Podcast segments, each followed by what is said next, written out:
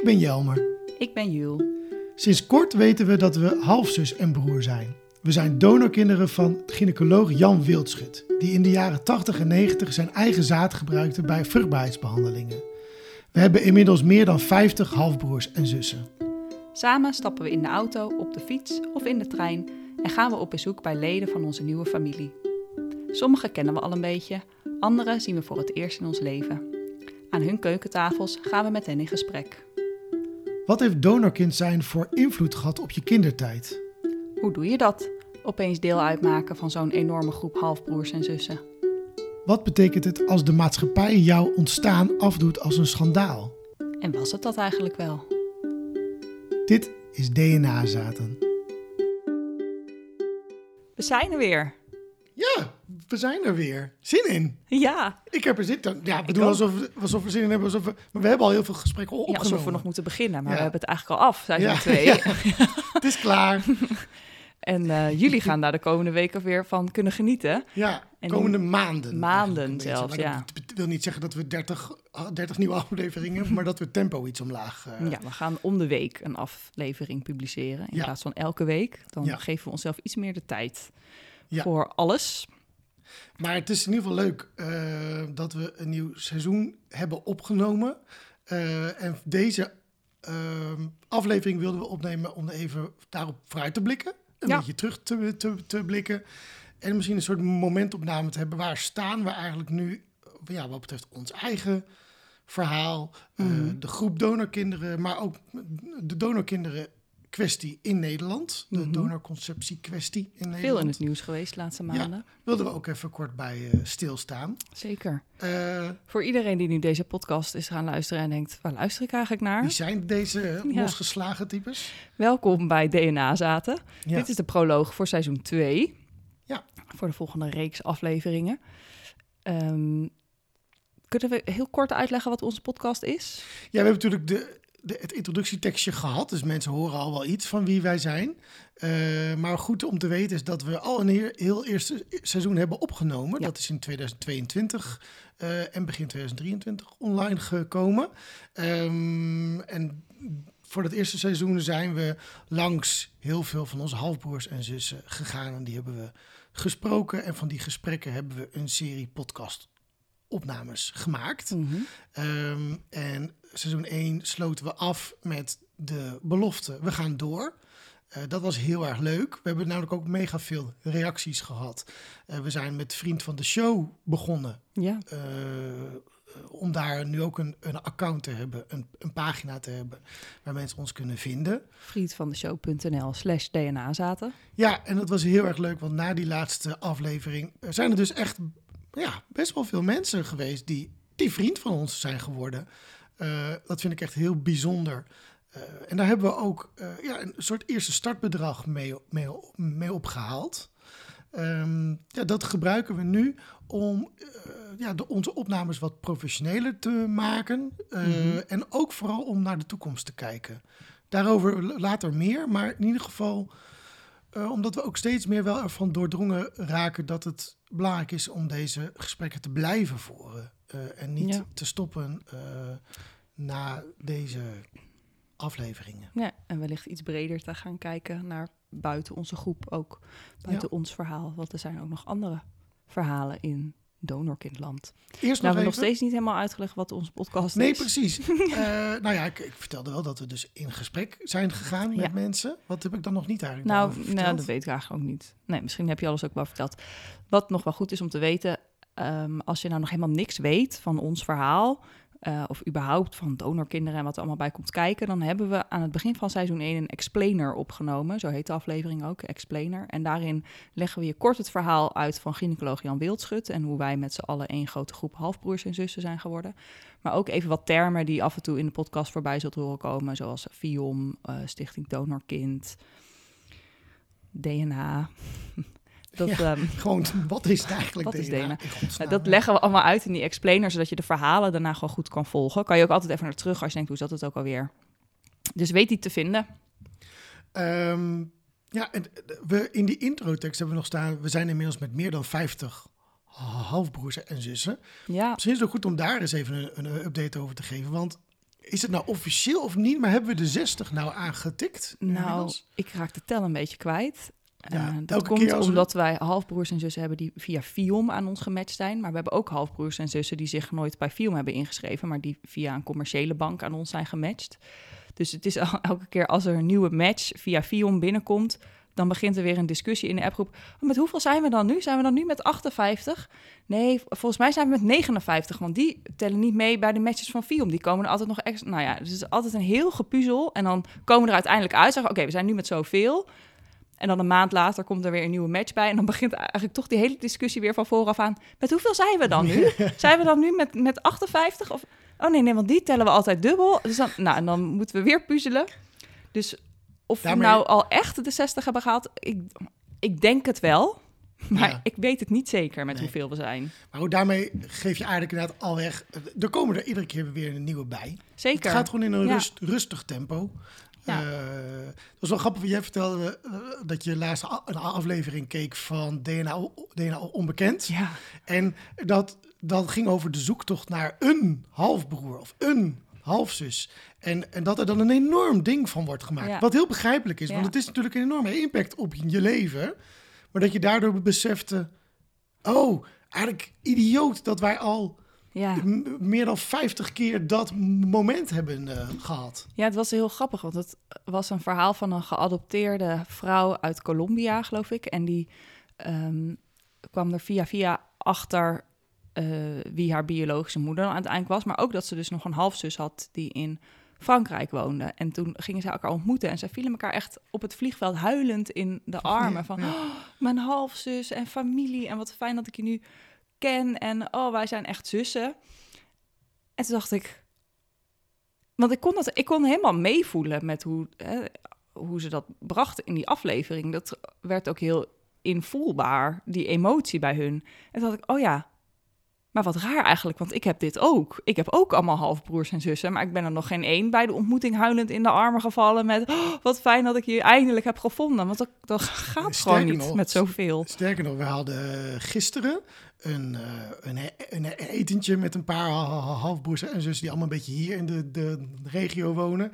En ik had het helemaal niet opgeslagen in mijn hoofd, maar we, we lopen dat restaurant binnen en er is een nieuwe halfbroer. Ja. Dacht ik, oh ja, Ja. oh ja, er kwam een nieuwe vanavond bij. Hij is natuurlijk helemaal... Oh, dit is een heftig moment. En jeetje, Ja. ik zie voor dit. En ik dacht, oh ja, dat is ook zo. Dat ik Hoi. even vergeten. Ja, Ja, maar, ja, Ja. het is echt. Het is Ja. een soort van. eh, ja, ehm, soort. Eh, hoe, hoe zeg je dat? Een gewoonte Ja, geworden. het Terwijl went, dit, terwijl, eh, hoe kan dit nou wennen? Ja, toch went het. Ja. Toch wordt het, ja, gaat de heftigheid er een beetje van af of zo Ja. na tweeënhalf jaar Ja. bij mij inmiddels. Ja, dat heb ik ook Wat wel. overigens niet god voor de andere restaurantgasten, want het werd, viel wel echt stil aan de tafeltjes om ons heen. Omdat er iedere keer iemand bij kwam. Ja, Hey, die heel erg op ons lijkt, maar dat we elkaar dan wel aan elkaar voorstellen. Dat die mensen dachten, hoe, hè? hoe zit dit nou? Waar, waar zitten we naar te kijken? Ja, dat, dat blijft interessant. Ja, ja. Ja, dus dat, dat is een beetje, denk ik, de stand van eh, hoe, hoe onze groep wildschut-nakomelingen er, ervoor staat. Ja. Eh, hebben, we, hebben we daarmee voldoende daarover gezegd? ja denk ik wel. Wat wil je er nog meer over vertellen? Het, het wordt gewoon wat rustiger. Het is een stuk rustiger dan 2022 en 2021. Des te onrustiger is het eh, in het land verder rondom donorkinderen Ja. in, in het nieuws. Ja, daar is veel gebeurd. Ja, eh, misschien eerst, dat is denk ik het, hetgeen wat mensen het meest in het nieuws voorbij kunnen hebben zien komen. De, zoals het in de media wordt genoemd, massadonor Mhm. Eh, Jonathan. Vind ik ook niet een onterechte term Nee. voor iemand die meer dan 500 kinderen heeft verwekt. Ja, voor wie nu denkt, wat, waar gaat dit over? Eh, het is wel veelvuldig in het nieuws geweest, op, op, het journaal echt, want er is een rechtszaak tegen hem Ja. aangespannen door een aantal eh, moeders die, die met behulp van hem zwanger zijn geworden en Ja. St- Stichting Donor Ehm, en de, de, eh, we zullen een linkje wel even naar Want het is een man die zich zowel via klinieken, maar als ook via sociale media en andere internetfora eh, beschikbaar stelt als spermadonor voor stellen of alleenstaande moeders die op zoek zijn naar een spermadonor. Maar dat onder allerlei andere namen en profielen doet en tegen iedereen vertelt: ik heb acht of twaalf kinderen en eh, jij bent dan de laatste. En verder ziet hij eruit als een leuke, normale man. En mensen denken: oh wat fijn, ik heb een goede donor gevonden. En dan krijg ik eindelijk een kind. En dan later komen ze erachter dat hij dus al heel veel vaker heeft gedoneerd. En niet alleen in Nederland, maar ook eh, in het buitenland. Ja. Dus dat betekent dat die kinderen, eh, die, hebben, die hebben 550 staan volgens mij, heb ik ergens voorbij zien komen in de media. 550 halfbroers en zussen. Dat is, dat, is nog keer 10 onze groep. Ik kan me dat niet voorstellen. dat is helemaal niet meer voor te Nee. stellen. En heftig. Heel Eh, heftig. Wat dat betekent, wat dat gewoon voor consequenties heeft voor je, je leven. die hele generatie moet zich testen voordat ze een relatie met iemand aangaan. Voordat ze kinderen met iemand willen. Ja, en ik had al laatst dat iemand aan mij een berichtje zei... Hé, hey, wat leuk, liep jij net in Pakhuis de Z- Zwijger? Dat ik, en ik heel erg inmiddels hier gewend aan terugreageerde met... eh, nee, maar waarschijnlijk heb je een van mijn halfbroers die ik nog niet, niet ken eh, eh, gezien. Maar dat is natuurlijk voor hun nog eens een factor erger. Ja, hoe kan je daar... Ja, kunnen er 550 mensen in een WhatsApp-groep? Er zit ook een limiet aan die groepen volgens Dit mij. zijn dus een heel technische vraag. Op Hoe ga je dat onderhouden, dat contact? En Ja. hoe ga je daarna... Ik vind het met 60 al overweldigend om te kijken met... Oh ja, wie is iedereen en met wie wil je iets en met wie misschien niet. Ja, Maar met 500, dat is een hele collegezaal vol. ja. Echt absurd. Hoe Geen dan ook. klaslokaal meer. De, de rechtszaak eh, ja, oh ja, liep. sorry, we dwalen Ja, af. Nee, maakt het me niet uit. Eh, en eh, eh, eh, eh, daar kwam een best wel, on, voor mij in ieder geval, wel onverwachte, onverwachte uitspraak uit. Ja, ik was misschien ook een beetje cynisch dat ik dacht, oh, er zal wel uitkomen met, ja, we kunnen dit niet veroordelen, want hoe gaan we dat dan handhaven? Of, nou ja, ik had niet per se verwacht dat het zo stellig zou zijn, maar hij is echt, het is hem nu verboden om nog langer als spermadonor te, te handelen. En per keer dat hij dat wel doet, moet hij een dwangsom betalen van 10.000 euro, volgens Ja. mij. Eh, dat, en dan meteen denk ik, ja, en hoe ga je dat dan, eh, hoe, hoe ga je dat dan concreet, Of 100.000 euro per Oh. donatie zelfs. nou, dat moet hij echt niet, niet meer doen. Nee. Ehm, ja, ik had het ook niet, niet, niet helemaal verwacht en vond dat wel een, een prettig helder signaal. Ik vind het heel fijn dat daar dus kennelijk is er een moment waarop zelfs de rechtbank zegt: Nou, hier ligt echt de grens. Ja. Dit, dit, deze, dit kan je niet doen. Is die Dit grens dan, wat is die grens dan? Maar ja, nu is het 550, maar Ja, wat ligt nou- die grens ook al bij 300, 200, Ja. 100? Ja, en, dat, nou, en nu kom je in de getallen die al vaker, va- va- Ja. vaker voorgekomen Ja. zijn. Zeker. Trouwens, ik herinner me ineens een van onze halfbroers en zusjes, die, zussen, die deelde laatst een linkje. Nou, er is een Wikipedia-pagina met mannen met de meeste kinderen ooit. oh, echt? Wacht, ik zoek dit heel even op. Ik ben wel heel benieuwd. echt heel komisch. Staat hij daarin? Ehm, Jonathan staat daar zeker in. Ja. Ja. er is op Wikipedia list of people with the most children. Ehm, en dan staan er vrouwen. Wow. Dus een vrouw met 69 kinderen, dat kan toch niet? Jeez. Een vrouw met 69 kinderen. Jeetje. Nou, ehm, maar er is dus ook een lijst van mannen. Want begrijpelijkerwijs kunnen mannen meer kinderen op de wereld zetten. Of nou, niet op de wereld zetten, dat kunnen ze dan weer net niet. Kunnen mannen meer kinderen eh, verwekken dan vrouwen kunnen. En eh, ja, bovenaan de lijst staat natuurlijk Genghis Khan. Uit de 13e eeuw. Met zo rond de 1000 tot 2000 nakomelingen. Er zijn ook wel schattingen van, toch? Dat eigenlijk iedereen in eh, Zuidoost-Azië verwant is aan Genghis Khan. Echt? Volgens mij wel. Nou, nu gaan we een beetje in de is het feit of fictie, dat weet ik niet.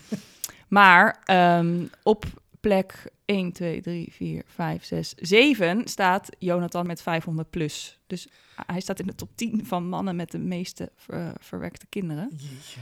Maar als we hier verder naar beneden scrolt, die lijst gaat door tot eh, mannen die meer dan 25 kinderen hebben. Dan mag je al op deze lijst. Dus dat betekent dat Jan Wildschut eigenlijk ook op deze lijst thuis zou horen. Oké. Jan Karbaat staat er wel op, Ach, jeetje. maar wij staan er nog niet op. We, we kunnen, we hebben Wie een kans belt, eh, om op Wikipedia te ja, komen. wie, wie belt Wikipedia? Ja, je hoeft Wikipedia niet te, te bellen, hè. Je kan het zelf eh, toevoegen. Oh, oh ja, Maar is misschien voor wildschutkinderen niet zo handig om dat te gaan doen. nee. Eh, maar goed, wie zich eh, geroepen voelt, Ja, je kunt het gewoon je kunt het erbij zetten. En dan uh, checkt de, de community vanzelf wel Ja. of, of dat klopt. Er staan veel spermadonoren trouwens in ja, die lijst. Ja, Ja. dan is hij gewoon... eh, ja, Ja. ja. Interessant eh, en, en iets wat dubbel, eh, dubbelzinnige lijst. Vind ik het. Zeker,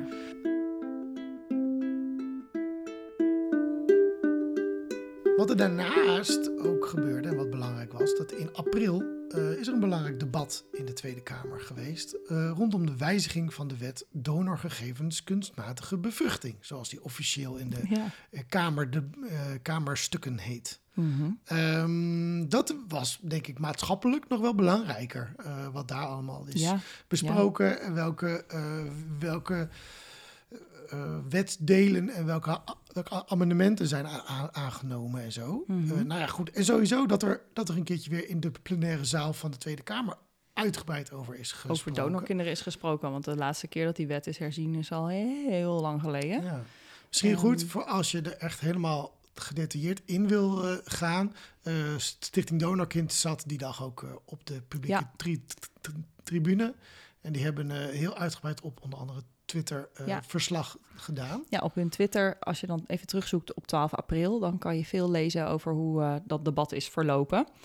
Ehm, we zullen sowieso wat linkjes in de show notes zetten, ook over Jonathan en over dit debat en Ja. wat daar allemaal wel en niet over is eh, gezegd. Maar er is dus een wijziging op de wet. Ja. Die is aangenomen, vrijwel unaniem, door de hele Kamer. Eén Kamerlid, eh, om de een of andere on- onduidelijke reden, stemde tegen. Dat was Nilufer Gundogan. Laat dat nou net... gestemd. Ja, ongelooflijk. dat is dus hetgene geweest waar ik een paar jaar geleden eh, tijdens de Kamerverkiezing op heb gestemd. Toen ze nog bij Volt zat. Eh, vreselijk. het is wel echt goed. Nou, hoe kan iets eh, als een boemerang terug in je nou, gezicht komen? nou, zeg dat. Zo, we weten niet zo goed waarom. Maar goed, dat, dat doet er ook niet toe. Eh, vrijwel de hele Klein Kamer stemde uiteindelijk voor de wijziging van de wet. Maar wat is er dan gewijzigd in die wet? Ja, je, we hebben de belangrijkste dingen een beetje op een rijtje geprobeerd te, te zetten. E- Eerst van de wet zelf. Eh, kun jij een beetje door de, de belangrijkste punten heen gaan? Of zal ik een eerst... Nee, ik weet niet veel wat er in die hele wet staat. Ik weet alleen wat er nu in de wijziging staat. Maar ja, wat nee, er dat bedoel ik eigenlijk ook. Oh, sorry. Ik ken Eh, niet de hele wet uit mijn hoofd. Nou, wat er onder Maar andere wel wat er veranderd is, gewijzigd is. Ja, Wat onder andere veranderd is, is dat eh, er is nu vastgelegd dat er betere afspraken moeten komen over het maximaal aantal donorkinderen dat per donor in Nederland ehm, eh, ehm, eh, ja, kan voortkomen. Nou volgens mij niet per se het aantal kinderen, want die, dat amendement is nog weer afgewezen. Maar wel het aantal moeders dat geholpen wordt met één donor. Oh, zo, ja. Maar nu is het zo, ja, een kliniek registreert hoe vaak een donor bij hun heeft gedoneerd. Dus je kan hier in Utrecht, ehm, je mag maximaal namelijk aan 12 moeders doneren. Dus dan kan je in Utrecht kan jouw zaad aan 12 moeders eh, gegeven worden. Maar dan kan jij vervolgens op de fiets brengen, naar Amsterdam fietsen. En dan ga je daar ook 12 keer doneren. En dan ga je daarna naar Leiden, ga je daar ook 12 keer doneren. Dat kan nu. Je kan, en die klinieken communiceren onderling niet met elkaar. Dus per kliniek kan je 12. Dus dan ben je gewoon nog helemaal regulier bezig. Hè? Binnen de, wat er is afgesproken en binnen de gezondheidszorg, binnen ziekenhuizen. Kan het nu dus nog steeds misgaan. En dat willen ze proberen om dat met de nieuwe wet eh, te, te veranderen. Namelijk dat er een landelijke registratie komt per donor. Dus niet per kliniek, maar gewoon voor heel Nederland. Dat je in totaal 12 keer ehm 12 moeders mag helpen met jouw zaad. Nou, dat, ik vind dat echt bizar dat de Tweede Kamer hierover moet stemmen. Want het is al een afspraak dat je maar 12 moeders eh, mag bevruchten. Dus waarom, waarom, hoezo was het nog niet geregeld? Waarom moeten we het hier dan nu mee eens zijn? Het is al een afspraak en dit had gewoon al geregeld moeten zijn. Ja, maar dit is dus blijkbaar in Maar de dat is dus niet zo. niet. Nee, en want geregeld. voor fertiliteitsklinieken, ja, die hebben er geen baat bij om zich daar aan te houden. Want dat betekent dat ze minder donoren kunnen gebruiken. Ja. Dus dat hun productie misschien gaat teruglopen. Dus voor hun, zij hebben er geen winst aan om zich hier aan te committeren. Maar nu nou ja, gaan ze daar dus beter op letten dat dat niet meer kan. Ja, daar, be- be- behalve misschien wel om daarbij te zeggen dat het wel het ma- maatschappelijk geluid verandert. Wel, je ziet dat ook een, Ja. eh, de klinieken wel steeds Ja, meer Dat inzien dat je hier hier ethischer mee om kan gaan. Ja, Eh, absoluut. Dus ik denk dat dat in die zin op de lange termijn eh, we, we wel vooral een betere situatie krijgen. Zeker, zeker. En wat denk ik ook heel terecht ehm, is aangenomen, is ehm, dat er afspraken gemaakt moeten worden binnen Europa. Want nu hebben we het alleen over Nederland, dat je in Nederland dan twaalf keer kan doneren. Maar ja, kijk maar naar het voorbeeld van net, Jonathan. Ja, uh, zo iemand zal denken, prima, heb ik in Nederland twaalf keer gedoneerd, ga ik daarna naar België, Ja, ga ik daarna naar Duitsland, ga ik daarna ergens anders heen. Ja, maar dit, dit ook een, een voorbeeld, denk ik, dat minder eh, richting criminaliteit gaat. Sorry, dat, dat klinkt naar, maar ik bedoel richting iets wat, wat niet door de beugel kan. Eh, heel veel klinieken, vruchtbaarheidsklinieken in eh, Nederland werken bijvoorbeeld met eh, cryos. Cryo? Ja, Cryos? Krios, ik weet niet hoe je het uitspreekt. Nou, maar- Samen die, de Deense Ja. spermabank. Ja. Wat weliswaar dan wordt het gebracht hier in Nederland als daar is een, een onderdeel binnen die, die, die donorbank van donoren die bekend willen Mhm. zijn of die, die, die, die, waar contact mee mogelijk is. Eh, maar dat zegt nog helemaal niets over hoe vaak zij zelf in de- Nee. Denemarken of daarbuiten. Nee, die donor mag dan in Nederland twaalf keer gebruikt worden. Maar in Duitsland, weet ik niet wat het maximum is, maar in Duitsland mag je ook maximum aantal keer gebruikt worden. En in Noorwegen ook. En in, dus per land heeft nu elk zijn eigen maximum. En dat hebben ze dus ook aangenomen, dat amendement. Dat ze dus willen kijken hoe je binnen Europa ook een maximaal aantal donorkinderen per donor kan garanderen. Ja. Ehm, plus dat ook eh, de persoonsidentificerende gegevens van die donoren uitgewisseld kunnen worden eh, tussen landen. Dus als inderdaad jouw donor uit Denemarken komt, dat dan dat het gewoon geregeld wordt dat jij die informatie kan achterhalen. Belangrijk. Zeer belangrijk. Mooi- ja, eigenlijk stap. zou dit een- wereldwijd natuurlijk moeten. Ja, Maar ik denk dat het al heel goed is als je voor zo'n groot mogelijk gebied kijkt of je dit kan regelen en een beetje kan beteugelen hoeveel ehm, halfbroers en zussen van donorkinderen er op de wereld zijn. Als je naar de samenvatting van deze wetswijziging gaat, zoals die op tweedekamer.nl staat, dan zie je onder andere ook staan: daarnaast regelt het voorstel dat nako- nakomelingen van dezelfde donor de, eh, desgewenst met elkaar in contact kunnen worden gebracht. Dat vond ik een interessante, want Ja. wat, wat zegt dat nou eh, over de technische kant van DNA-vergelijking die hier in Nederland bijvoorbeeld door FIOM wordt gebruikt? Nou, Fium, die, ehm, die kan, of ik weet niet of ze dat niet kunnen, maar die doen nu in ieder geval geen halfbroers en zussen met elkaar matchen. De techniek die zij gebruiken kan eh, vooral vaderschap aantonen of moederschap. Dus die kan ehm, ouder en kind aan elkaar matchen, maar niet halfbroers en zussen onderling. Dus er zullen een heleboel halfbroers en zussen naast elkaar in de Fium-databank staan nu, die niet weten dat ze halfbroer en zus van elkaar zijn, omdat die donor nog niet bekend is. Zolang je die donor niet weet, want daarna worden zij allemaal ineens aan die donor gekoppeld. En dan weet je, oh ja, dan zijn wij dus halfbroer en zus. Eh, maar zonder donor in die bank worden halfbroers en zussen nu niet aan elkaar gematcht. En dat zou dan moeten veranderen met deze wetswijziging. Namelijk dat halfbroers en zussen wel eh, aan elkaar gematcht kunnen worden. Zoals dat bij commerciële DNA-databanken wel kan. Of ook kan. Ja. Eh, verder nog belangrijke dingen. Ik zie hier nog staan dat de, de SDKB, wat is dat ook alweer? Dat is ook een soort van. De SDKB is de Stichting Donorgegevens Kunstmatige Bevruchting. Dus zij beheren de bank. Ehm, als je weet dat je donorkind bent, dan kan je op je zestiende hun eh, verzoek doen voor eh, persoonsidentificerende gegevens van jouw donor. En dan gaan zij in hun dossier zoeken. Oh ja, nou, dit is jouw donor. En dan krijg je die gegevens. Ehm, Ja, ja, dat en, doen en, zij. eh, dat die stichting wordt al omgevormd. En wat vooral heel belangrijk is, er komt in het bestuur van de stichting ook een donorkind. Yes. Eh, omdat er nogal eens eh, eh, best wel precaire kwesties zijn over... Mhm. mag iemand nou wel of niet toegang krijgen tot, tot informatie over Ja. je afkomst. Ja. En het is heel goed dat bij dat soort besluiten ook een donorkind betrokken is. Ja, niet meer dan logisch. Ja, lijkt mij ook. Ehm, en nog verdere dingen? Eh, ik zag ook nog iets over dat mensen die in hun privésfeer naar een, een donor zoeken, dat die betere bescherming krijgen. Wat moeten we ons Ja, daarbij voorstellen? Geen idee. Dat is een aangenomen amendement. Betere bescherming van mensen die in de privésfeer een donor zoeken. Maar wat ze daarin. Ja, dat zal ongetwijfeld ook met de casus Jonathan te maken hebben. En want als je via een kliniek eh, op zoek gaat naar donorsperma, dan kom je eerst op een wachtlijst van twee of drie jaar. En dat maakt dat veel mensen ook op andere manieren toch op zoek gaan naar een donor. Bijvoorbeeld via een Facebookgroep of via via of via andere bijeenkomsten, weet ik het. Ehm, En dat willen ze beter gaan beschermen. Maar ik heb geen idee hoe, hoe ze dat willen gaan doen. Nee. Maar het is aangenomen, ze gaan het beter beschermen. Nou, dat is wel echt een eh, to be continued. Is Nou, dat echt ja. eentje.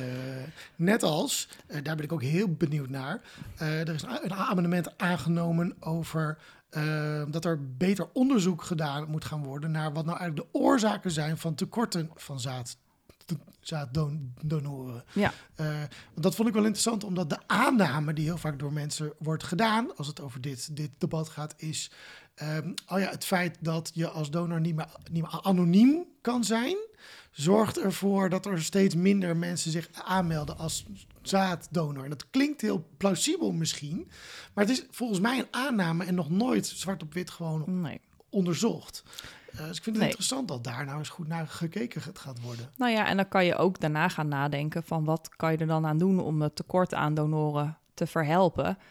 Ehm, want kijk, de kinderwens die zal blijven bestaan. Dus er zullen altijd mensen op zoek gaan naar donorsperma. En dan denk dan kan je dat maar het beste gewoon goed organiseren en goed reguleren. En in mijn ogen is het het beste eh, als je op zoek gaat naar ehm, een zaaddonor of een eiceldonor, dat je dat doet met iemand die je kent of dat je in ieder geval ervoor zorgt dat diegene een rol kan spelen in het leven van jouw kind als jouw kind dat wil. Want kijk, je kan ook wel voor een bekende donor kiezen, maar dan op je twaalfde ehm, weet een kind welke haarkleur, welke ogen en hoe lang eh, papa wel is.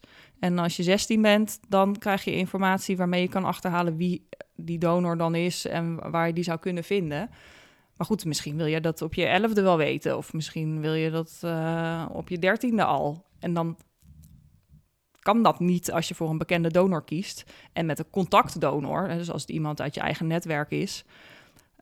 dan kan je daar gewoon zelf afspraken over maken. En dat is wel heel ingewikkeld, denk ik, om daar goed afspraken over te maken. Van in hoeverre ben je dan betrokken bij de opvoeding of niet. En al dat soort dingen. Maar ik denk dat dat voor het kind by far het mooiste is Ja. hoe kwam ik hier nou in hemelsnaam in verzeild? Oh ja, we- over dat tekort aan, eh, aan donoren. Nou ja, als je dat kan achterhalen van waarom is er nou een tekort? Kijk, ik denk dan misschien moet er dus wel een campagne of moet er gewoon meer bekendheid aangegeven worden. Dat het ook laagdrempeliger wordt voor mensen, voor mannen in, of, of vrouwen. Het kan natuurlijk ook eiceldonatie zijn. Ik zeg wel hele tijd mannen, maar je kan als Mhm, vrouw mhm. ook eh gameetdonor zijn Mhm. dat het veel laagdrempeliger wordt om elkaar daarbij te helpen. Waardoor je veel meer contactdonoren creëert. En dat je niet meer met een, eh, een zaadje van iemand die je niet kent van de spermabank een kind hoeft te verwekken. Ik denk dat dat. En ervan uitgaande dat donorconceptie nooit zal verdwijnen, dat dat dan de mooiste oplossing is om naartoe te werken. Tot slot, Nou goed, dat was even een Ja, zijpaadje. nee, Ja, dat- maar, dat- maar dat, mag. Eh, tot slot, eh, tenminste wat betreft dit blokje Tweede Kamer. Ehm, Nou ja, trouwens, ik had het net over die leeftijden. Dat is dus Oh. niet aangenomen. Nee, Want dat was ook een amendement om, eh, om die leeftijdsgrens te laten vervallen. Want De inderdaad, misschien wil je wel op je achtste al weten wie je biologische vader is. Of misschien wil je wel op je veertiende al weten wie je biologische moeder is. Ja. Ehm, en dat is er niet doorgekomen. Dat is verworpen. Ja. Ja. ik sta er echt...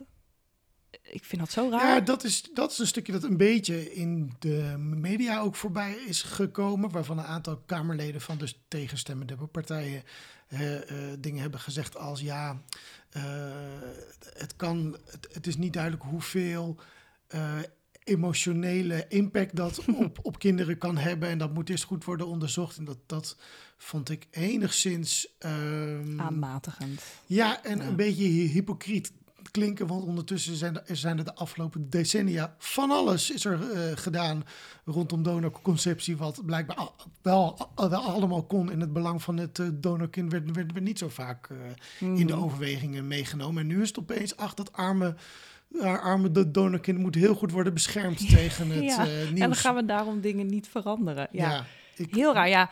De, vooral de VVD en de ChristenUnie die maakten zich zorgen over de psychische gevolgen voor het donorkind als het al op jonge leeftijd op zoek gaat naar informatie. Maar dan denk ik, wacht heel even. Je bent een jong kind en je wil weten wie je biologische moeder of vader is. En dan mag je dat niet gaan doen, want ze maken zich dan zorgen om de gevolgen die die zoektocht met zich meebrengt. Maar je wil het al weten Ja. en dat wordt je onmogelijk gemaakt. Dat zijn toch ook enorme psychische je gevolgen?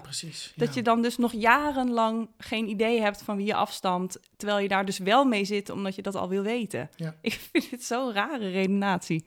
Het is trouwens Maar wel interessant dat de woordvoerder op eh, dit vlak bij de ChristenUnie, Mirjam Bikker, eh, ons is gaan volgen ook op, eh, op Ja. Instagram. Dus mocht Ja. je dit luisteren, voor altijd van harte welkom. We vinden het heel leuk om weer over in Ja. gesprek te gaan. Al klonken we misschien een beetje fel de afgelopen minuut. Eh, Maar, was het ook Bikker die dit zei? Want volgens mij was Ja, Bikker. ik dacht wel. Ja, ik dacht dat zij nog wel weer redelijk aan onze kant stond. Ja, ook. Nou, ik- wat ik alleen maar goed vind, is dat zij heel erg pleit. Maar- Zij pleit heel erg voor zorgvuldigheid. En dat Ja. vind ik ook heel mooi. Daar sta ik ook eh, helemaal, helemaal achter.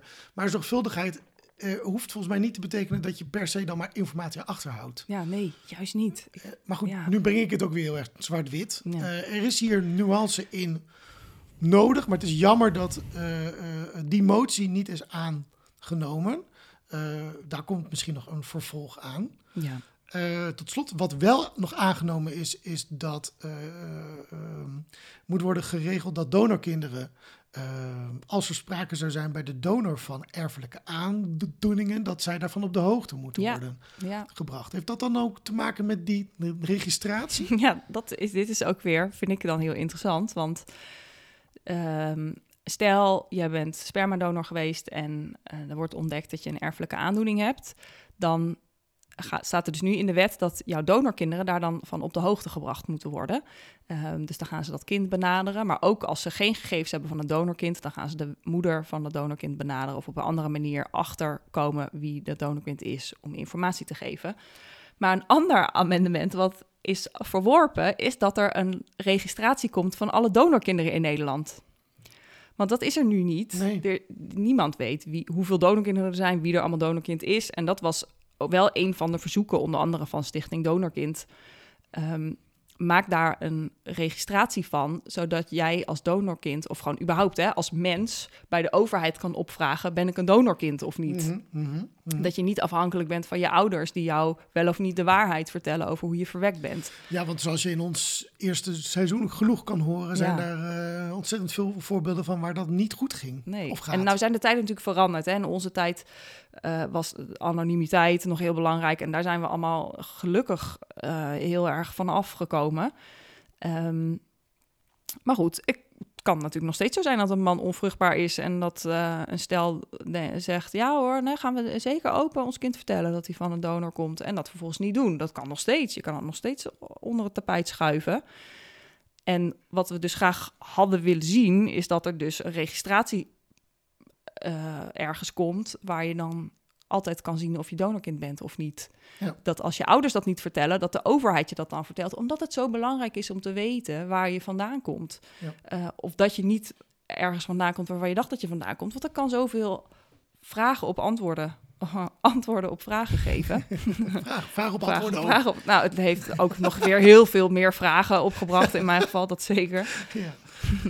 Ehm, maar goed, er staat nu dus wel in de wet dat als er dan genetische aandoening is bij die donor, dat de donorkinderen daarvan op de hoogte gesteld moeten worden. Maar die donorkinderen worden nergens geregistreerd. Dus hoe ga je dan in hemelsnaam weten welke donorkinderen je op de hoogte moet stellen? ja, dat is nog eentje dus ik die- denk dat dat ja. ene verworpen ding er toch op de een of andere manier ingefietst moet worden. Want anders kan dit. Maar dit geldt dus natuurlijk worden. voor heel veel van de, de moties die zijn aangenomen bij deze wetswijziging. En sowieso bij deze wetswijziging. Het is heel mooi volgens mij om te zien dat op bepaalde gebieden er wel politieke wil is om dingen te veranderen. Mhm. De politieke wil is, is uitgesproken en daar hebben eh, Kamerleden Nou, niet voor door iedereen, gestemd. hè, nee, maar- goed, maar een meerderheid van de Tweede Kamer voorgestemd. Maar de praktische, praktische uitwerking moet natuurlijk komende jaren blijken. Eh, en, en, en, eh, dus het is niet zo dat de dingen die we nu op, opnoemen, dat die ook opeens geregeld zijn. Nee, nee, nee. Maar het is mooi dat er iets. eh in Wat ieder geval iets gaat veranderen. en wat ik tot slot nog even, om toch eh Mirjam Bik ook even nog een, een, duim omhoog te geven, is dat eh, nog een, tot slot een motie van haar is aangenomen, namelijk dat deze wet iedere vijf jaar moet worden ge- Ja. geëvalueerd. Ja. Jee, dat is fijn, want dan dus hoeven op we de niet volgende meer... evaluatie hoeven we niet 100 jaar te wachten. Nee, dat is ook heel eh, prettig. Dus, nou, heftig. Dit was ook even een technisch blokje, nou, dit volgens was mij. pittig, dus wie er, hoor. wie er nu dit nog is, wie er nu nog niet is afgehaakt, die is taaie stof, echt, ja. politiek. Ja, ja, dat, dat is het wel echt, ja. Ja. hebben er ook echt even heel goed naar, naar moeten kijken. Ja. Uh, want zelfs als je betrokken bent en je weet er al veel, veel van, dan nog is het soms echt even drie keer knipperen met je ogen. Voordat je snapt wat een bepaalde uh, motie of wetswijziging betekent. Maar Ja. goed. uh, we zetten stappen Overigens, mocht er iemand luisteren die nu denkt... Huh, nee, dit leg je Ja, helemaal verkeerd uit. Of je zegt nu iets wat niet klopt. Laat Ja. het dan ons alsjeblieft weten. Ja, want wij, zijn... Wij doen ook maar wat. We zijn, ik eh, zit ook maar op... eh, welke website? tweedekamer.nl na te lezen... Ja. waar allemaal wel en niet over is gestemd... en wat dat dan betekent. Maar Ja. het is behoorlijk eh, wat ontcijferen. En wij doen ook maar wat, is een vrij goede samenvatting van deze podcast. Sowieso. Wij doen Dus ook dat, maar wat. eh,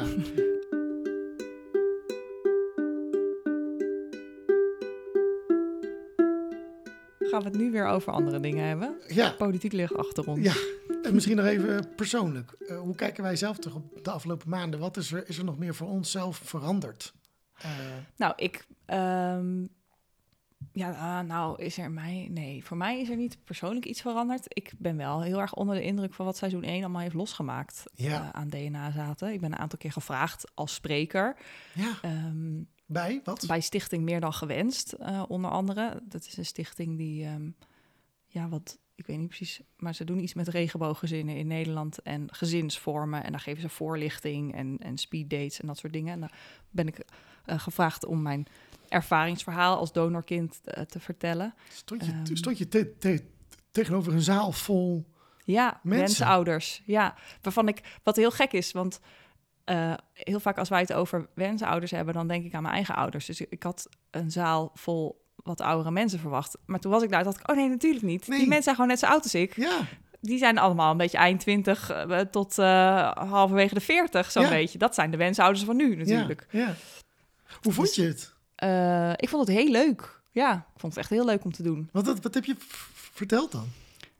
Nou, het was eh, tweeledig, denk ik. Het was en eh, gewoon over opgroeien met twee moeders. Want ik heb natuurlijk twee moeders. Van, en hoe is dat? En hoe gaan andere mensen daarmee om? Want in tegenstelling tot donorkinderen in een eh, hetero gezin... was in ons gezin, dat zie je meteen aan de buitenkant... hey, dit is een gek gezin. Hoe zit dat? Hoe zit dat? En Ja. daar krijg je op kinderleeftijd ook al veel vragen over, onder andere. Dus daar ging ik een beetje over vertellen van... hoe was dat dan? Eh, en mis je een vader in je leven? En mis je een mannelijke rolmodel? Nou, ik kan alvast een kleine spoiler geven. Nee, Wat? dat, dat mis je niet. Nou, jij niet. Nee, maar het blijkt Oh, ook uit onderzoek. Dat, dat dat niet... ehm, dat eh, het hebben van twee moeders of twee vaders niet uitmaakt. Omdat je Hmm. toch wel ge- genoeg in contact komt met, eh, met mannen en vrouwen in de rest van je leven. En dat het eigenlijk vooral heel erg om gaat zijn jouw twee ouders of jouw één ouder volledig in wat ze jou kunnen bieden als kind. Dus het ging een beetje op die, die sociale kant. En ehm, ja, dat het voor mij dus eigenlijk nooit heel interessant was wie mijn donor was. Ik was er niet zo mee bezig. Totdat het hele verhaal van Jan Wildschut erin kwam. Eh, dat was wel een mooie... Ja, je zag de monden wel openvallen in de zaal Ja, toen dat deel van het verhaal aan bod kwam. En dat, dat, dat ik daarin wel van gedachten ben veranderd. Dat het, waar ik vroeger altijd dacht, ja, wat heb ik nou van die man? Dat was ook maar een zaadje. En ach, het interesseert me niet zoveel wie die donor is. Ik weet toch wel wie ik ben. En dat weet ik ook. Ik ben ook niet veranderd. Maar ik kan nu mezelf veel beter plaatsen dan voordat ik dit allemaal wist. Ja. En ik heb de rol van DNA echt enorm onderschat in wie je bent als persoon en hoe je eruit ziet. Daarin, ja, dat kan ik nu helemaal verklaren met Ja. mijn biologische moeder en mijn biologische vader. ja. Eh, dus daar ging ik over vertellen en dat was echt heel leuk. En daarna ben ik nog een keer gevraagd om hetzelfde praatje te doen voor de NVOG, de Nederlandse Vereniging van Obstetrie en Gynaecologie. Dat was Oh. ook heel. ja, dat was online, dus het was veel moeilijker om te voelen hoe de boodschap dan overkwam. Maar het was wel heel. Ja, dat zijn de, de mensen die nu in de fertiliteitsindustrie werken in Nederland. Dus ja, ik ben heel benieuwd. Ik hoop dat het. ehm, ja, dat ze er wat eh, aan hebben Ja. om het van een ervaringsdeskundige te horen hoe ik- het kan zijn. Ik hoop dat ze luisteren. Toch? Dankzij jou. eh dat Ja, ik ook de podcast wel genoemd, ja. Ja, ja, Ja. ja. Wat goed. Ik was helemaal vergelijkbaar. Ik eh, vond het ook een hele gekke ervaring dat nu ons donorkindverhaal en het, het wildschutverhaal, wat wij al lang kennen, dat nu, door, doordat ik dat boek heb geschreven, nu ook de wereld daaromheen, Mhm. die helemaal niets nog met dit verhaal te maken had. Er zijn nu wel heel veel mensen die dat verhaal nu ook eh, Ja. eh, lezen. En ik, ik ben onder andere ook te gast geweest bij de, de grote vriendelijke podcast. eh, waar je dan eigenlijk ook veel meer wordt bevraagd ook op... Goh, hoe zit dat hele verhaal eigenlijk in elkaar? Terwijl dat is natuurlijk iets wat we eindeloos al aan elkaar Ja. en aan andere mensen om ons heen Ja. hebben verteld. Of die hebben daar zelf allemaal mee, mee, mee te maken gehad. Ja. Eh, maar ik vind het wel mooi dat nu de, ja, weet ik veel, de, de reguliere wereld of zo... nu kennis met dat verhaal heeft Ja, eh, niet meer alleen via de schandaalmedia weet, maar ook via onze verhalen in jouw boek. Ja, ja. Ja, De, de, de, de, de, de, de periode dat, waarin dan ook scholen daadwerkelijk iets met je boek gaan doen, dat duurt het wat, wat langer. Mhm. Dus ik ben nu nog vooral, eh, als ik bij scholen langs ga, doe ik dat met mijn vorige boek. Maar ik ben heel, wel, wel heel benieuwd als die periode aan zou breken, dat ik door, door scholen word gevraagd om hierover te komen vertellen. Ja, ja. dat vind ik nog wel spannend. Hoe, wat ga je dan doen? Maar Ja. goed, daarvoor kan ik nu bij jou terecht, heb ik al eh, begrepen. Jij hebt, eh, Hoe je daarover vertelt. ja, hoe, hoe, Oh. je, hoe, je, hoe je op een podium Ja, daarover... eh, Het is jouw verhaal, dus jij Dat moet het. eh, Ja. jij weet wat je wil vertellen. Eh, maar in ieder geval, om even terug te komen, ik, ik ben ook inderdaad wel eh, onder de indruk over. eh, eh, eh, ehm, onder de indruk van de reacties die we van mensen hebben gekregen. We hebben ook mailtjes gehad, eh, berichtjes gehad van Fysieke allerlei... post zelf. Fysieke post, ja. Het, is, het is heel bijzonder hoe mensen Ja. ons hebben, weten te bereiken. En wel ook hebben aangegeven. Wat mooi dat deze eerlijke verhalen worden gebouwd. Wat mooi dat daar de tijd voor wordt Ja. genomen. En dat heeft ons wel gesterkt om weer onze weekends en vakantiedagen en avonduren, half uurtjes in de trein van je werk naar huis, waarin we weer uh, zaten te, te, te editen, monteren ja. voor de podcast, om dat toch maar weer te gaan doen. Um, ja, we hebben ook het gevoel dat we nog niet klaar zijn. Nee, zeker niet. Want het volgende seizoen staat nu voor de deur met alles wat we weer hebben gemaakt. Ja, we vonden het leuk om misschien tot slot nog even een klein beetje vooruit te blikken. Ja. Wat ga je dan komende uh, tijd horen? Ja. Uh, wat hebben we gedaan? Want we hebben wat nieuws gedaan. We hebben niet alleen maar met halfbroers en zussen nee. ges gesproken. Nee, we hebben onszelf ook een klein beetje vernieuwd. We zijn een kleine stap buiten onze eigen groep halfbroers en zussen gegaan. Ja. En we hebben onder andere uh, gepraat met jouw broer. Ja, uh, dat was, vond ik een heel fijn en mooi en, en openhartig, eerlijk gesprek. Uh, vond het wel leuk om misschien wat heel af en toe zo'n klein, kleine snippet al te laten horen ja. van die gesprekken. En wat, we, wat zo mooi was in het gesprek met Ime, is dat hij, ik vond dat hij heel mooi verwoordde um, wat de kennis dat wij halfbroers bleken, heeft betekend voor onze band. -hmm. Zullen we daar even naar luisteren? Ja. Nou ja, dat raakt eigenlijk aan dat, dat volgens mij kwam de vraag dus net langs van, hey, kijk je, kijken wij anders naar elkaar? Ja. Mhm. Maar dat was op dat moment niet zo, maar daarna wel. Omdat het voor mij heel erg duidelijk was dat ik dacht, oh, maar we zijn helemaal geen volle broers, dus we hoeven ook niet in alles op elkaar te lijken. Dat vond ik een soort geruststellende bevestiging. Zo van, ja. oh, dat is gewoon oké. Okay. Ja, heel mooi gesprek was dat. Heel bijzonder ook.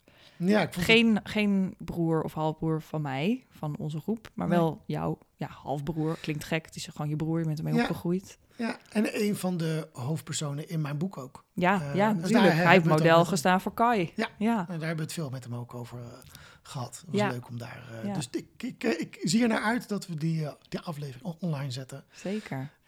Verder, een andere stap een beetje buiten onze groep... is dat we een vader hebben gesproken van een van onze halfbroers en zussen. Ja. Een van onze half... Ja, het is natuurlijk mijn vader van een, van een halfbroer. Ja. Dat we een vader van een halfbroer van ons hebben gesproken. Ja, uh, Peter, die, die was, be, was bereid om met ons te praten. Ja, ja. Uh, en uh, um, dat was na, aan de hand van een, een, een, oproep die we binnen de, de groep hadden verspreid. van, hey, willen jullie eens polsen bij je, bij, bij je ouders? Zouden die misschien mm -hmm. bereid zijn om met ons te praten over hoe dit voor hen eigenlijk is ja. geweest? Hoe zij die tijd hebben ervaren, hoe ze er naar kijken. Of ze zijn veranderd van inzicht van, goh, hoe dat toen ging was misschien toch niet goed of misschien nog steeds wel. Maar dat veranderen van, van inzicht, daar heeft, daar heeft hij bijvoorbeeld volgens mij een mooi stukje over waar hij ook vertelt over hoe anders hij nu met de wetenschap van nu ja. kijkt naar um, uh, open zijn ja. naar je kind over diens afkomst. Zullen we daar even naar luisteren? Ja. Ja, achteraf gezien denk ik, ook, had ik het ook wel misschien wel veel eerder. En ik denk ook dat dat veel beter is Ja. Mhm. om dat te doen. Kijk, je kan een kind van, nou pak een beetje, zes, zeven jaar best wel vertellen van luister, eh, normaal op die manier gaan, dan krijg je, Mhm. krijg je kinderen. Nou, bij papa en mama ging het allemaal niet zo makkelijk. En daar heeft een, een, een dokter mij geholpen. Ja. En dan ga je de uitleg geven die een kind op dat moment aan kan. En ik denk eh, dat dat veel beter is om te doen. Wat denk je wat voor verschil dat had gemaakt?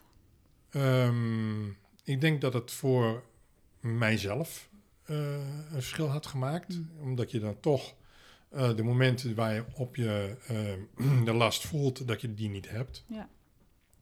En een kind die groeit daar langzamerhand mee op. En dan kan je er ook vrijer over praten. Ja. Terwijl het nu een geheim was. Ja, mooi. En we spraken nog meer ouders. We gingen bij mijn ouders op bezoek. Dat vond ik Oeh. een van de leukste Ja, gesprekken. vind ik ook heel spannend. Ja. Ik vind trouwens sowieso, want we hadden dat oproepje gedaan eh, aan onze halfbroers en zussen van wil je aan je ouders vragen of ze een verhaal willen doen in onze podcast? En er kwamen heel weinig reacties op. Mm, ja. En je merkt wel, de drempel is voor ouders echt nog veel groter om hierover te praten. ja. Kijk, wij zijn natuurlijk, wij als donorkinderen, ons is het allemaal overkomen. Mhm. In die zin treft ons geen blaam. Ja, wij zijn een donorkind en we hebben wel ook te maken met het taboe. En dat proberen we te doorbreken en daar praten we nu over. Maar ik denk dat dat voor ouders misschien nog wel veel complexer is om daar nu over te vertellen. Omdat je misschien dus wel dat voortschrijdend inzicht hebt van... oei, de beslissingen en de keuzes die ik toen heb gemaakt... dat zou ik met kennis van nu heel anders doen. Dat je daar misschien ook wel... Ja, jouw moeder, ze hebben volgens Ja. mij wel iets, iets gezegd over dat ze een soort van mede, medeplichtigheid vo- Ja, voelen. ja, Eh, wat best wel een pittig woord is. ja. Nou, zij voelen zich wel ook verantwoordelijk voor... Ja. wat het met mij doet om donorkind te zijn, omdat dat hun keuze is geweest destijds. Dus ik kan me voorstellen dat het voor, voor ouders misschien nog wel moeilijker is om erover te praten dan voor ons. Gelukkig wilde, wilde zij dus met ons praten. En Ja. ik, ik hoop ook echt dat luisteren naar die aflevering andere ouders misschien ook het, het, het vertrouwen geeft. Ja. Praat hierover, want het is belangrijk om hier de, de Ja. openheid over met elkaar te zoeken. En anderen kunnen wat hebben aan jouw verhaal. En ik vond hun eh, verhaal heel mooi, eerlijk, nuchter, eh, grappig ook. Eh, en, en, en ik moet denken aan ehm, dat ze vrij aan het begin van het gesprek eh, het gedicht voorlezen dat op jouw ge- geboortekaartje stond. Ja, ja, één regel uit het gedicht stond op mijn geboortekaartje. Maar heel mooi. Wij ontmoeten elkaar als vreemden. Gaan er naar luisteren. Ik vind het wel heel mooi verwoord in dat gedicht. Ik vind het ook wel mooi om dat voor te lezen Ja, eigenlijk. ik eigenlijk ook. Ja. Dus, en jij kan mooi declameren als je dat nou eens even... eh, Ja, doe maar. Ja. Ja, ja. Lees het eens voor. Ehm, jij en ik, wij ontmoeten elkaar als vreemden. Ieder een geheim in zich meedragend. Ik kan je niet zeggen wie je bent. Ik leer je misschien nooit helemaal kennen. Maar ik vertrouw erop dat je een persoon bent krachtens jezelf, vervuld van een schoonheid en waarde die de rijkste hulpbronnen van de wereld zijn. zijn. Zo. Dus doe ik je deze belofte. Ik zal je geen identiteiten opleggen, maar je uitnodigen jezelf te worden, zonder schaamte of vrees. Ik zal je recht verdedigen om een authentieke roeping te vinden. Voor zolang als jouw speurtocht duurt, heb je mijn loyaliteit. Zo. ja, ja, ja, dat is toch een... Van- eh, Van God, daaruit zijn we begonnen. Ja, Dat is inderdaad even iets anders dan eh oren, oren, oren. Er is een nieuw kindje ge- geboren. Wat je ook nog wel eens op... Ja, dat zie je er ook nog wel eens op kaartjes staan. Eh, voor wie denkt, huh, gaat nou het hele seizoen helemaal, helemaal anders zijn dan vorig seizoen? Nee, we hebben ook nog gewoon een aantal ha- ha- halfbroers en zussen gesproken. Ehm, we hebben Astrid gesproken. Dat was wel heel bijzonder, want die zat bij ons aan tafel samen met haar dochter, Naël. Ja, ja, de volgende generatie. Ja. Ja. dus de kinderen van de donorkinderen. Ja. En wat betekent het voor hun? 50, nee, 60 ooms en tantes die ook allemaal misschien weer kinderen krijgen. Ja. Dus dubbel zoveel. Oh, Wat ben je dan? Half neefjes en nichtjes? Ik weet het niet meer, ik weet het niet meer. Dat was in ieder geval Maar- een, een, een- ook een mooi, eh, grappig gesprek waar we ook eh, heel, heel eh, goed ook daarover hebben kunnen Ja. praten. Ook met haar. Ja, dat, was, was, dat was bijzonder. We hebben Petra gesproken. Ja. Ehm, nou, haar verhaal bewijst wel weer dat je de dossiers uit de jaren negentig niet kan vertrouwen. Zo, ja. Dat je echt op DNA-onderzoek... en dat je... Ja, dus mocht dat Ja. in kamerdebatten nog eens voorbij komen... van ja, maar we hebben toch heel veel vastgelegd in dat dossiers je op en dat soort papier aan iemand gematcht wordt. Ja, dat Nee, is echt... Echt bevestig het met DNA, alsjeblieft. Nou, luister, luister, naar de aflevering met Petra als je wil begrijpen waarom. Ja, Ja, ja. Sowieso een heel aangrijpend verhaal, ja, vond ik het. niet alleen om die reden. Wat zijn we ook alweer? Het, het, het, vrolijkste gesprek over een eh teringzwaar onderwerp. Teringzwaar, ja. Tyfus. Nee, te, te- teringzwaar. Ja, en dan moet je Ja. niet al die scheldwoorden hier, eh, de, de eten slingen. dat kan niet. Nou, dan hadden we Marnix en Roan nog, twee broers. Ja, Dat was een heel... eh, dat was echt een heel gezellig, luchtig gesprek. ja, Ja. dat is ook eens een keertje fijn. Ja. ja, en zij staan daar in die zin misschien ook wel weer heel uniek in. Maar zij zijn vooral gewoon heel trots op hun ouders dat ze de keuze hebben gemaakt voor donorconceptie. En heeft ook zij- te maken met de reden, waar, Ja. reden waarom. Dat heeft een medisch karakter. Zij vertellen daarover meer in, Ja. de, in, de, de, de- in de podcast.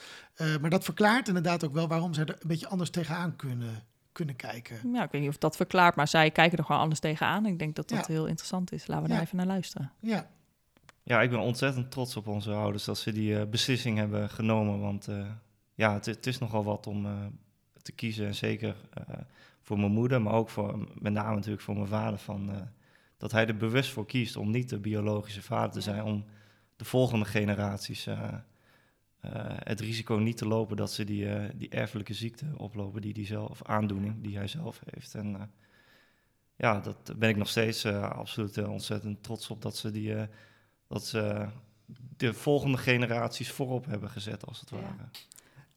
En dan tot slot de aflevering die tegelijk met deze proloog online komt. De eerste Ja, van het nieuwe seizoen. de aflevering met Margreet. Ja, Margreet. Oh, wat overigens echt een rampaflevering was. Want we hadden drie kwartier met Margreet gepraat. En toen gingen we opslaan, even wat we tot dan toe hadden opgenomen. En toen crashte dat hele kastje. Ja. Toen was, gewoon, was alles weg.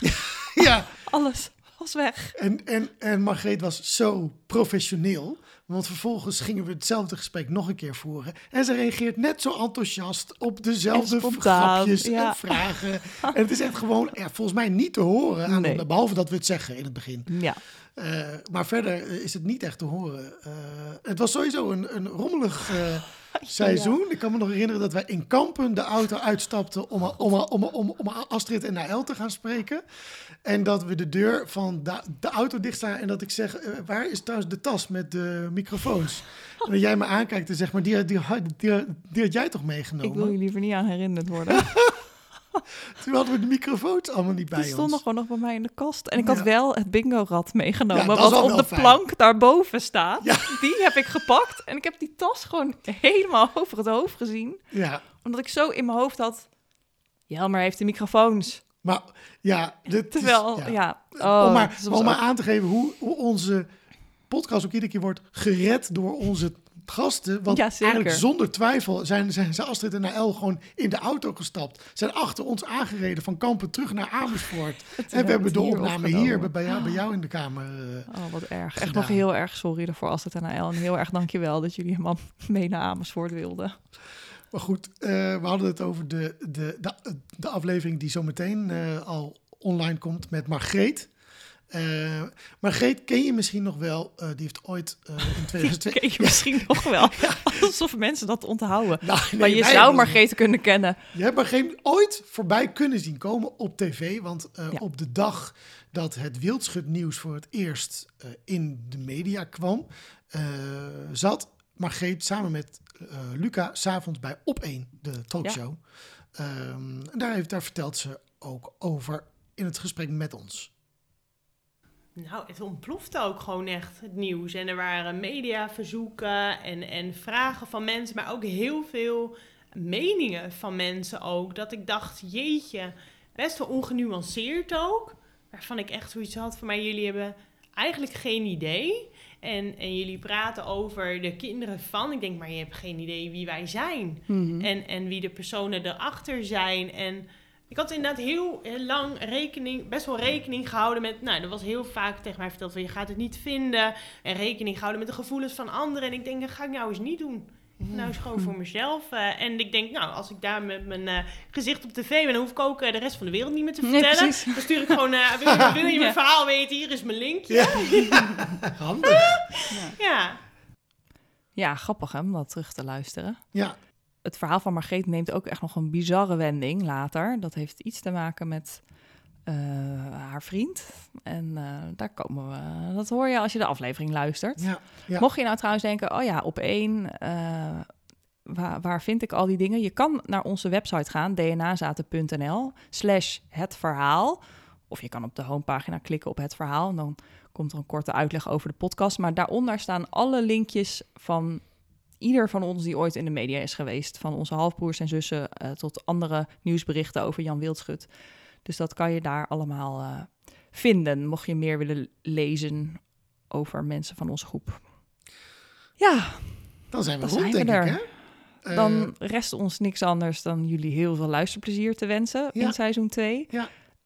we horen heel graag weer jullie meningen en ja, je, Wat je ervan vindt. Reacties, deel je, Reacties. je verhalen. Volg ons alsjeblieft op, eh, op Instagram, het DNA-zaten. ja, je kan Eh, ons ook mailen info@dnazaten.nl. Ja, DNA-zaten.nl is dan ook de site die je net al had genoemd. Ja, En we zitten ook nog op Facebook, ook nog DNA we zitten Zaten. ook nog op Facebook, ja? Zeker. Waarom? Wie, Dat- wie zit er nou nog op Facebook tegenwoordig? Alle wensouders van onze generatie. Oh ja. ja.